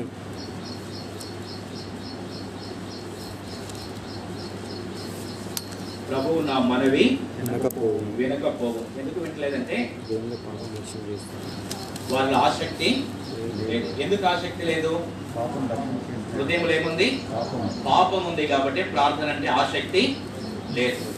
కనుక ఎవరి హృదయంలో పాపం ఉంటుందో వారికి ప్రార్థన అంటే ఆసక్తి కూడా ఉండదు. ఆసక్తి కలిగి మనం ప్రార్థన చేయాలంటే ముందు మన హృదయంలో ఉన్న పాపము పోవాలి. ఎట్లా పోతుంది పాపం? మనం తీసేసుకుంటే పోతుందే? మనం తీసేసుకోవాలి. మనం ఏం చేయాలంటే ఒప్పుకోవాలి. ప్రభు దగ్గరికి వచ్చి ఒప్పుకోవాలి. మన పాపాన్ని మనం ఒప్పుకుంటే యేసు ప్రభు నమ్మదగిన వాడు కనుక ఆయన మన పాపముల కొరికై తన రక్తము దారపోసాడు మన పాపానికి కావాల్సిన శిక్ష అనుభవించాడు. ఆయన ప్రాణాన్ని అర్పించాడు. సమాధి చేయబడి తిరిగి లేచాడు. కాబట్టి ఇప్పుడు ఆయన మన పాపాలు క్షమించడానికి అధికారము కలిగి ఉన్నాడు. మనం ఏం చేయాలి? మనం వచ్చి యథార్థంగా ఒప్పుకోవాలి. అందుకని అతిక్రమము దాచిపెట్టేవాడు. వర్ధిల్లడు గాని వాటిని ఒప్పుకొని విడిచిపెట్టువాడు విడిచిపెట్టేవాడు కనికరము. ఆ ప్రభు నీ పాపాలు క్షమించాలంటే నీ హృదయంలో ఉన్న పాపాన్ని తీసివేయాలంటే నీ ఒప్పుకోవాలి. పాపాన్ని ఒప్పుకోకుండా కప్పి పెట్టుకుంటూ ప్రార్థన పట్ల ఆసక్తి కలిగి ఉండాలంటే కష్టం. చాలా మంది ప్రార్థన చేయాలంటే చాలా కష్టం. ప్రార్థన చేయాలంటే చేయలేరు. ప్రార్థన కుడికలకు రారు. ఏం కారణం అంటే లోపల పాపము ఉంది కాబట్టే వారు ప్రార్థన అంటే ఆసక్తి లేకుండా సహోదరుడ సహోదరి నువ్వు చెప్పగలవా? నిజంగా నేను ప్రార్థనలో ఆసక్తి కలిగి ఉన్నాను. ఆసక్తితో నేను ప్రార్థన చేస్తున్న ప్రతి దినము తప్పక ప్రార్థన చేస్తా ఉన్నాను. కానీ దానియేలు దినానికి ఎన్ని ఎన్నిసార్లు చేస్తా ఉన్నాడు? సార్లు ఆసక్తితో ప్రార్థన చేస్తాను ఎంత ఆసక్తి అంటే ప్రాణం పోయినా పర్వాలేదు కానీ ప్రార్థన మాత్రం వదిలిపెట్టాను అప్పుడు శాసనం వచ్చింది. ఎవరైనా ప్రార్థన చేస్తే తీసుకెళ్ళి ఎక్కడ వేస్తారు? సింహాల గుహలో. వేస్తారు. ప్రాణం పోతుంది సింహాలు చంపి తినేస్తాయి. అయినప్పటికీ కూడా తనకి ఎంత ఆసక్తి అంటే నా ప్రాణం పైన పర్వాలేదు. ప్రార్థన మాత్రం విడిచిపెట్టాను అది ఆసక్తి. ఎందుకు అంత ఆసక్తి ఉంది ప్రార్థన పట్ల? మన హృదయం అంత పవిత్రంగా కనుక మన హృదయం ఎంత పవిత్రంగా ఉంటుందో ప్రార్థన అంటే మనకు అంత ఆసక్తి వస్తుంది. మన హృదయంలో ఎంత పాపం ఉంటుందో ప్రార్థన అంటే మనకు అంత నిర్లక్ష్యం ఉంటుంది ప్రార్థన నిర్లక్ష్యం చేసిన ప్రార్థన చేయడానికి ఇష్టం లేదు. ఒకవేళ చేసిన ఏదో బలవంతంగా చేస్తా ఉన్నామంటే ఈ హృదయంలో పాపం నిజంగా హృదయం పరిశుద్ధపరచబడుతూ ఉంటే ప్రార్థన పట్ల మనకు ఆసక్తి ఎక్కువ. దైవజన భక్సింగ్ గారు గంటల రాత్రులంతా ప్రార్థనలో ఏ కారణం? హృదయం అంతా పవిత్రం.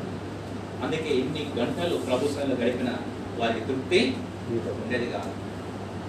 మనమేమో ఒక ఐదు నిమిషాలు పది నిమిషాలు ప్రార్థన చేయగలం ఒక గంట చేసి గంట చేసాం అనుకుంటాం అట్లా అనిపిస్తుంది. ఎందుకు? హృదయం పవిత్రంగా లేదు. మన హృదయం అంత పవిత్రంగా లేదు. కాబట్టి.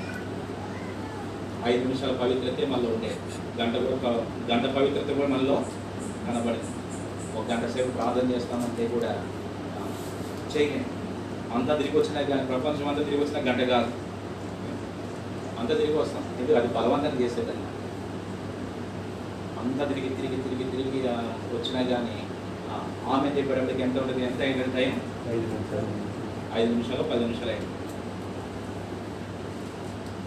హృదయం పవిత్రంగా ఉంటే కొన్ని గంటలు చేసినా కానీ ఎట్లా అనిపిస్తుంది?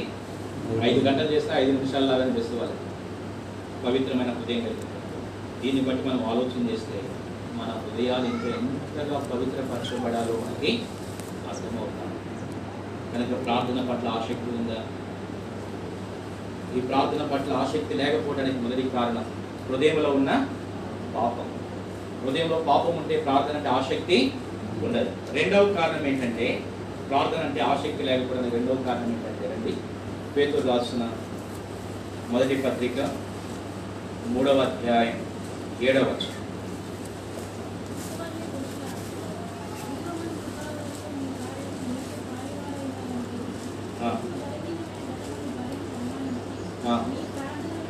మీ ప్రార్థనలకు అభ్యంతరము కలగకున్నట్లు జ్ఞానము చొప్పున వారితో కాపురము చేయుడి. మీ ప్రార్థనలకు అభ్యంతరం కలగకుండా ఉండాలంటే అంటే మీ ప్రార్థనల్లో ఆసక్తి కలిగి మీరు ప్రార్థనలో కొనసాగాలంటే మీ భార్యలతో ఎట్లా ఉండాలి? జ్ఞానంతో కాపురం అంటే వారికి జ్ఞానంతో కాపురం చేయకపోతే ఏమవుతుంది భార్యలు. మనం ఇంట్లో ఉండలేం. ఎందుకు? అసమాధానం అయితే భార్య భర్తల మధ్య వచ్చేసిందంటే ఇంకా మనం ఏం చేయలేము ప్రార్థన చేయలేము వాక్యం చదవలేము చదివినా మనకి ఎక్కదు. ప్రార్థన చేయడం మోకరించిన ప్రార్థన రాదు. అందుకే సమాధానం కలిగి ఉండాలి. ప్రార్థనలో ఆసక్తి లేకపోవడానికి రెండవ కారణం ఏంటంటే సమాధానము లేకపోవడం. నీ హృదయంలో సమాధానం లేకపోతే ప్రార్థన అంటే ఇప్పుడు ఆసక్తి ఉండదు. అందుకే చాలా మంది చూడండి సమాధానం లేనటువంటి వారు ప్రార్థనల కూర్పులో కనపడరు. సమాధానం లేనటువంటి వారు వ్యక్తిగతంగా వారు ప్రార్థన కూడా చేసుకోరు. ఈ అసమాధానం అనేది ప్రార్థన జీవితానికి దూరము చేస్తుందన్నమాట. అందుకని సమాధానము కలిగి ఉండాలి.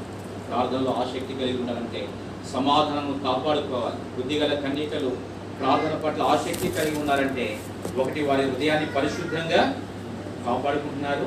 రెండవది సమాధానాన్ని కాపాడుకుంటున్నారు. అందరితో సమాధానంగా ఉండడానికి ప్రయత్నం చేస్తున్నారు. వారి వైపు నుండి వారు అందరితో సమాధానంగా ఉన్నారు.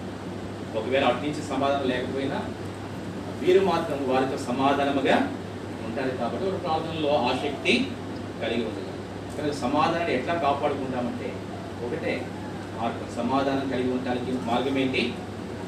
ఒక మార్గమే. ఏ మార్గం అది?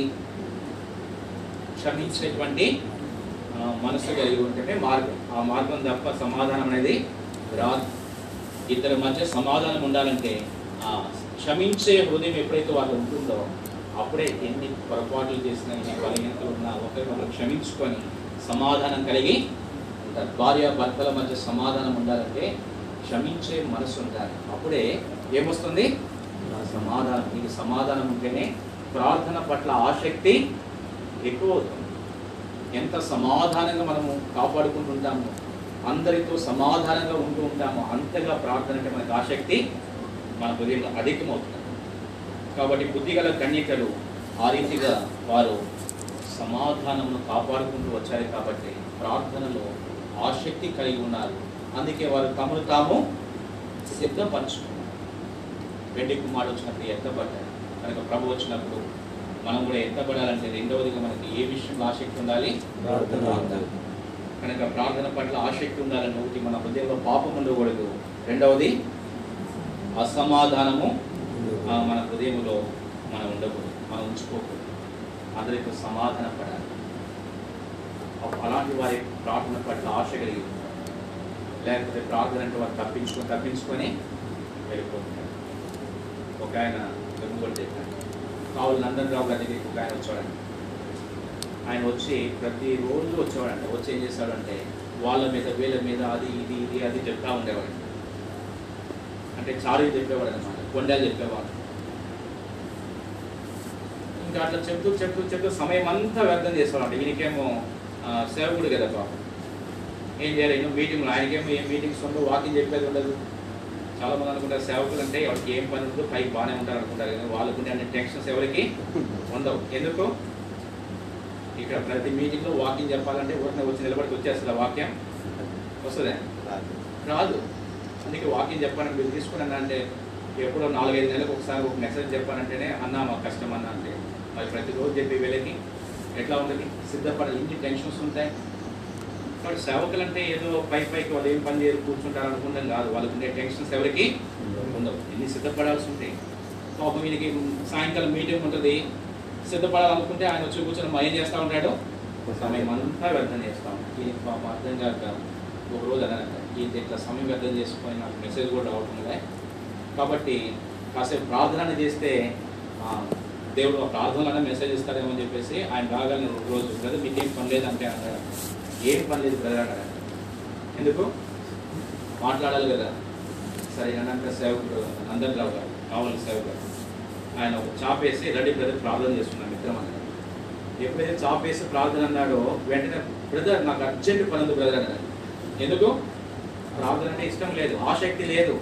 లోపల అంతా పాపం ఉంది అసమాధానం ఉంది. వాళ్ళ మీద వీరి మీద ఏదేదో లోపల అంతా పెట్టుకున్నారు. ఇంకా ప్రార్థన ఏం చేస్తాడు. ప్రార్థన చేయడానికి తనకి మనసు బ్రదర్ నేను మర్చిపోయాను. అర్జెంట్ పని ఉంది. ఇప్పుడే వస్తాను బ్రదర్ చెప్పి అప్పటి నుంచి మళ్ళా తిరిగి చూడలేదు. కారణం ఏంటి? అదే. హృదయంలో అంత పాపం ఉంది ప్రార్థన ఆసక్తి.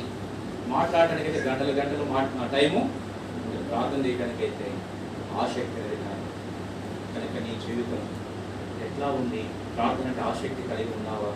ప్రార్థన పట్ల ఎంత ఆసక్తి ఉంది అనేది మనం పరీక్షించుకోవాలి తర్వాత మూడవది మనం గమనించినట్టు రండి అరవై తొమ్మిదవ కీర్తన.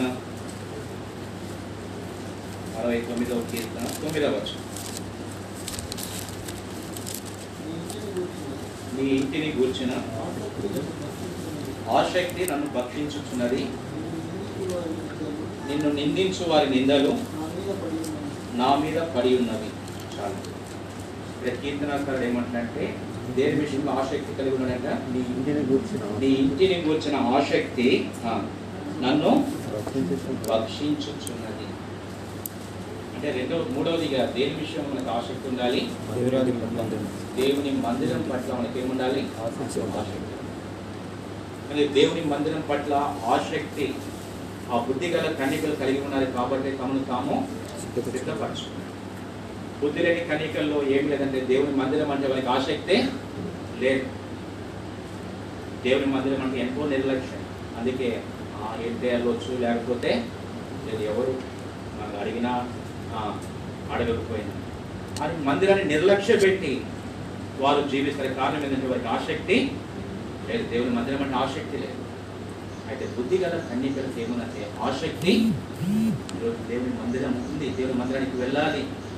నేను ప్రయాణ సమయానికి వెళ్ళాలి. అందరికంటే ముందే వెళ్ళాలి. ఆసక్తి ఉంటే ఏముంటది? ఏం చేస్తాం? ఆసక్తి ఉంటే. త్వరపడదు అందుకని దావీదు దావీదుతో జనులు అన్నారు. ఏమన్నారు? మేము దేవుని మందిరానికి వెళ్దామని నూట ఇరవై రెండవ కీర్తన. చదవండి మొదటి వచనం. నూట ఇరవై రెండవ కీర్తన. యెహోవా మందిరమునకు వెళ్ళుదామని జనులు నాతో అనినప్పుడు నేను సంతోషించి తిని ఏం చేస్తారంట? దేవుని మందిరానికి వెళ్దామన్నప్పుడు ఏం చేస్తాడు? సంతోషించాడు. యెహోవా మందిరం. దేవుని మందిరానికి వెళ్ళడానికి తన హృదయంలో ఎంత ఆసక్తి ఉందంటే రాజు అయినా ఎన్నో బాధితులు ఉన్నాయి అయినప్పటికీ కూడా దేవుని మందిరం అంటే తనకి ఎంత ఆసక్తి ఉందో అక్కడ మనకి అర్థమవుతాం తర్వాత చదవండి అదే కీర్తనలో.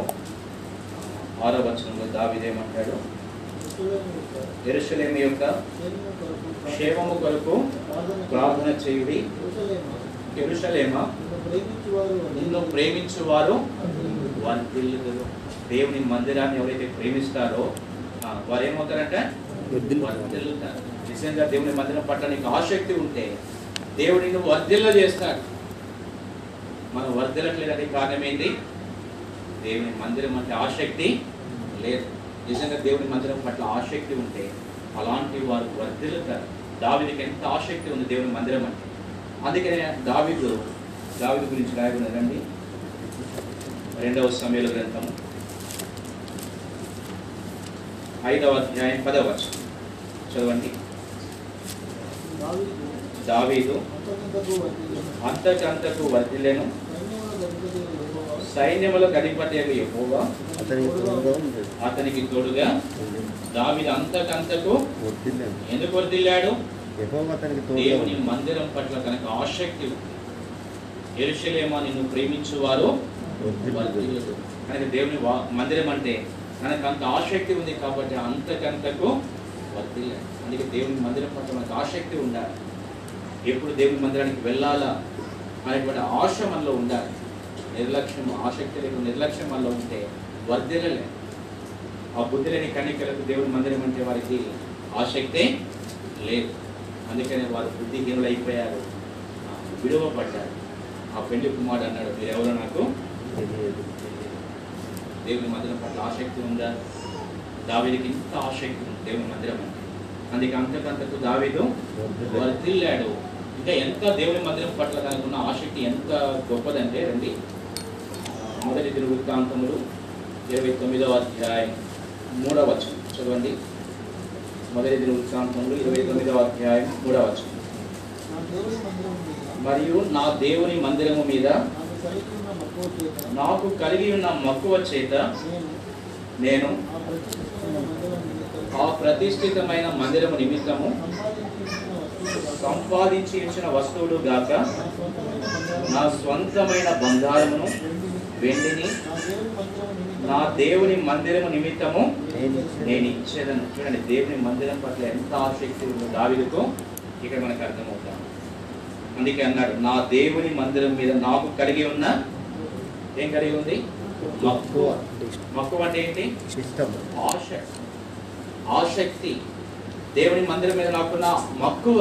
ఎంత మక్కువ అంటే నేను సంపాదించినటువంటి దేవుని మందిరం కొరకు సమకూర్చింది అదే కాకుండా ఆయనకేమి ఇచ్చాడంట వెండి నా సొంతమైన బంగారమును వెండిని. వెండిని నా దేవుని మందిరం. నిమిత్తం నేను. దేవునికి మనం ఇచ్చే దశం భాగాలే కాదు. దేవుని దేవుని మందిరం మీద మనకుండే ఆసక్తి నిజంగా ఆసక్తి కలిగి ఉంటే మనం దశం భాగాలే కాదు. ఏమిస్తాం? మన సొంతమైన వాటిని కూడా దేవునికి ఇవ్వడానికి వెనకాడు. దావీదు వెనకాడలే. తన సొంత అంటే ఏదో దశం భాగాలు కాదు. తను సంపాదించినట్లు దశం భాగం కాదు ఇస్తా ఇస్తా ఉంది. తన సొంతది తనది దశం భాగం తర్వాత తన కలిగి ఉన్నది అది దేవునికి ఏం చేస్తా ఉన్నాడు? అంతగా ప్రేమిస్తున్నాడు దేవుని మందిరాన్ని. అందుకే నా దేవుని మందిరం మీద నేను కలిగి ఉన్న మక్కువ నిజంగా మనకి దేవుని మందిరం మీద ఎంత మక్కువ ఉంది. ఎంత ఆసక్తి ఉంది? కనుక దేవుని మందిరాన్ని ప్రేమిస్తే వర్ధిల్లుతారు దేవుని వాక్యం చెప్తారు దావిది అందుకే అంతకంతకు దావిది వర్ధిల్లాడు. కాబట్టి దేవుని మందిరం పట్ల మనకు ఆసక్తి ఉంది. మూడవది నాలుగవది మనం ఏ విషయంలో ఆసక్తి కలిగి ఉండాలి అని మనం గమనిస్తే రండి త్వర త్వరగా చూసుకొని ముగించుకున్నాం మొదటి కొరింతలకు రాష్ట్ర మొదటి పత్రిక పదిహేనవ అధ్యాయము యాభై ఎనిమిదవ. చదవండి సహోదరులారా ఆ. కాగా నా ప్రియ సహోదరులారా మీ ప్రయాసము ప్రభువునందు వ్యర్థము కాదని ఎరిగి స్త్రీలను కదలని వారును ప్రభువు కార్యాభివృద్ధి ఎందు ఎప్పటికి ఆసక్తులనై ఉండు. ఏ విషయంలో ఆసక్తి కలిగి ఉండాలంటే ప్రభు యొక్క కార్యాల విషయంలో మీరు ఎప్పటికీ ఆసక్తి కలిగి. దేవుని పని విషయంలో దేవుని కార్యాల విషయంలో ఏం కలిగి ఉండాలి? ఆసక్తి ఉంది బుద్ధిగల కన్నికల్లో ఈ ఆసక్తి ఉంది కాబట్టి సిద్ధపడ్డారు. దేవుని కార్యాల పట్ల వారికి ఆసక్తి ఉంది. తమ కార్యాల కంటే కూడా వారు ఎక్కువ ప్రాధాన్యత ఏ కార్యాలకు ఇచ్చారు? దేవుని కార్యాలకు వారు ప్రాధాన్యత ఇచ్చారు. మొదటిగా దేవుని కార్యాలు తర్వాతనే నా కార్యాలు. మొదట దేవుని పని తర్వాతే నా పని. మధ్య మనలో అలాంటి ఆసక్తి ఉందా?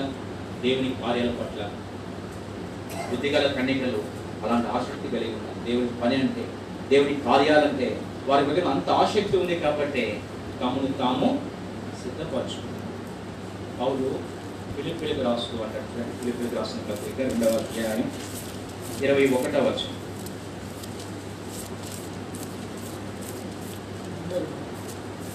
అందరూ తమ సొంత కార్యములనే కానీ చూచుకొనుచున్నారు కానీ యేసుక్రీస్తు కార్యములను చూడరు. చూడరు అందరూ తమ సొంత కార్యములనే చూచుకొనుచున్నారు కానీ యేసుక్రీస్తు కార్యములను చూడరు. ఈ మాట మన జీవితంలో వాస్తవమైన? మనము దేవుని కార్యాలు చూస్తున్నామా? లేక మన సొంత కార్యాలే? మన సొంత పనుల్లోనే మనం మునిగిపోయాం. అందుకని దేవుని వాక్యం చెప్తా ఉంది. ప్రభువు నందు మీ ప్రయాసము మన సొంత కార్యాల్లో మనం ఎంత ప్రయాసపడినా నిత్యత్వంలో ఏమైనా బహుమానం దొరికిద్దా? ఉంటుంది. మన సొంత పనుల్లో మనం జీవిత కాలం అంతా ప్రయాసపడుతున్నాం. అది లోకం మట్టికి. ఈ లోకంలో మనం ఈ లోకంలో శాశ్వత కాలం ఉంటామా? ఉండదు. మనం శాశ్వతముగా ఉండేది ఎక్కడ? పరలోకం. మరి ఇక్కడ సంపాదించుకుని ఇక్కడ వదిలిపెట్టి వెళ్ళిపోవడం మేలా? లేకపోతే ఇక్కడ ప్రభు కార్యాల్లో ప్రయాసపడి అక్కడ సంపాదించుకోవటము మేలా? ఏది మేలు చెప్పండి? ఏది?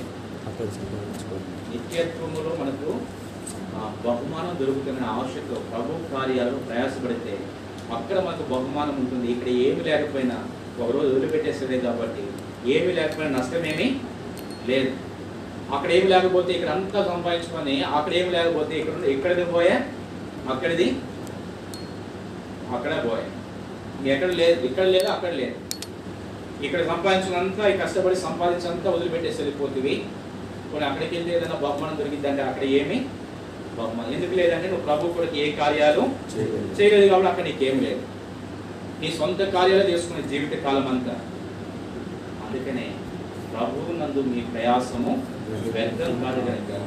మీ ఆసక్తి దేని మీద ఉండాలంటే ప్రభు కార్యాల మీద ఆసక్తి కలిగి ప్రభు పని విషయంలో ఆసక్తి కలిగి ఉండాలి.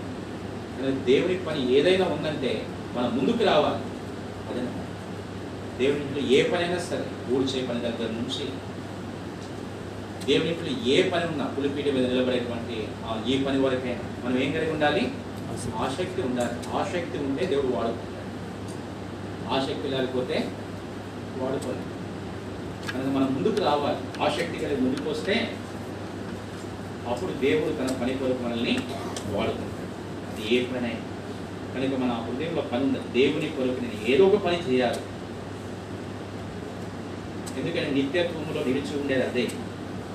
నా కొరకు నేను ప్రయాసపడేది ఏది కూడా నిలిచి ఉండదు. అనే గ్రహింపు మనం కలిగి ప్రభు కొరకు ప్రభు కార్యాల కొరకు మనం ఆసక్తితో ప్రయాసపడాలి. అది నాలుగవది ఐదవది రండి నెహిమియా గ్రంథం మూడవ అధ్యాయం ఇరవై వచ్చు చదవండి నెహిమియా గ్రంథము మూడవ అధ్యాయం ఇరవై వచ్చు ఆనుకొని ఆ గోడ మలుపు నుండి ప్రధాన యాజకుడైన ఇంటి ద్వారం వరకు నా మరొక బాలు కుమారుడైన బాలుడు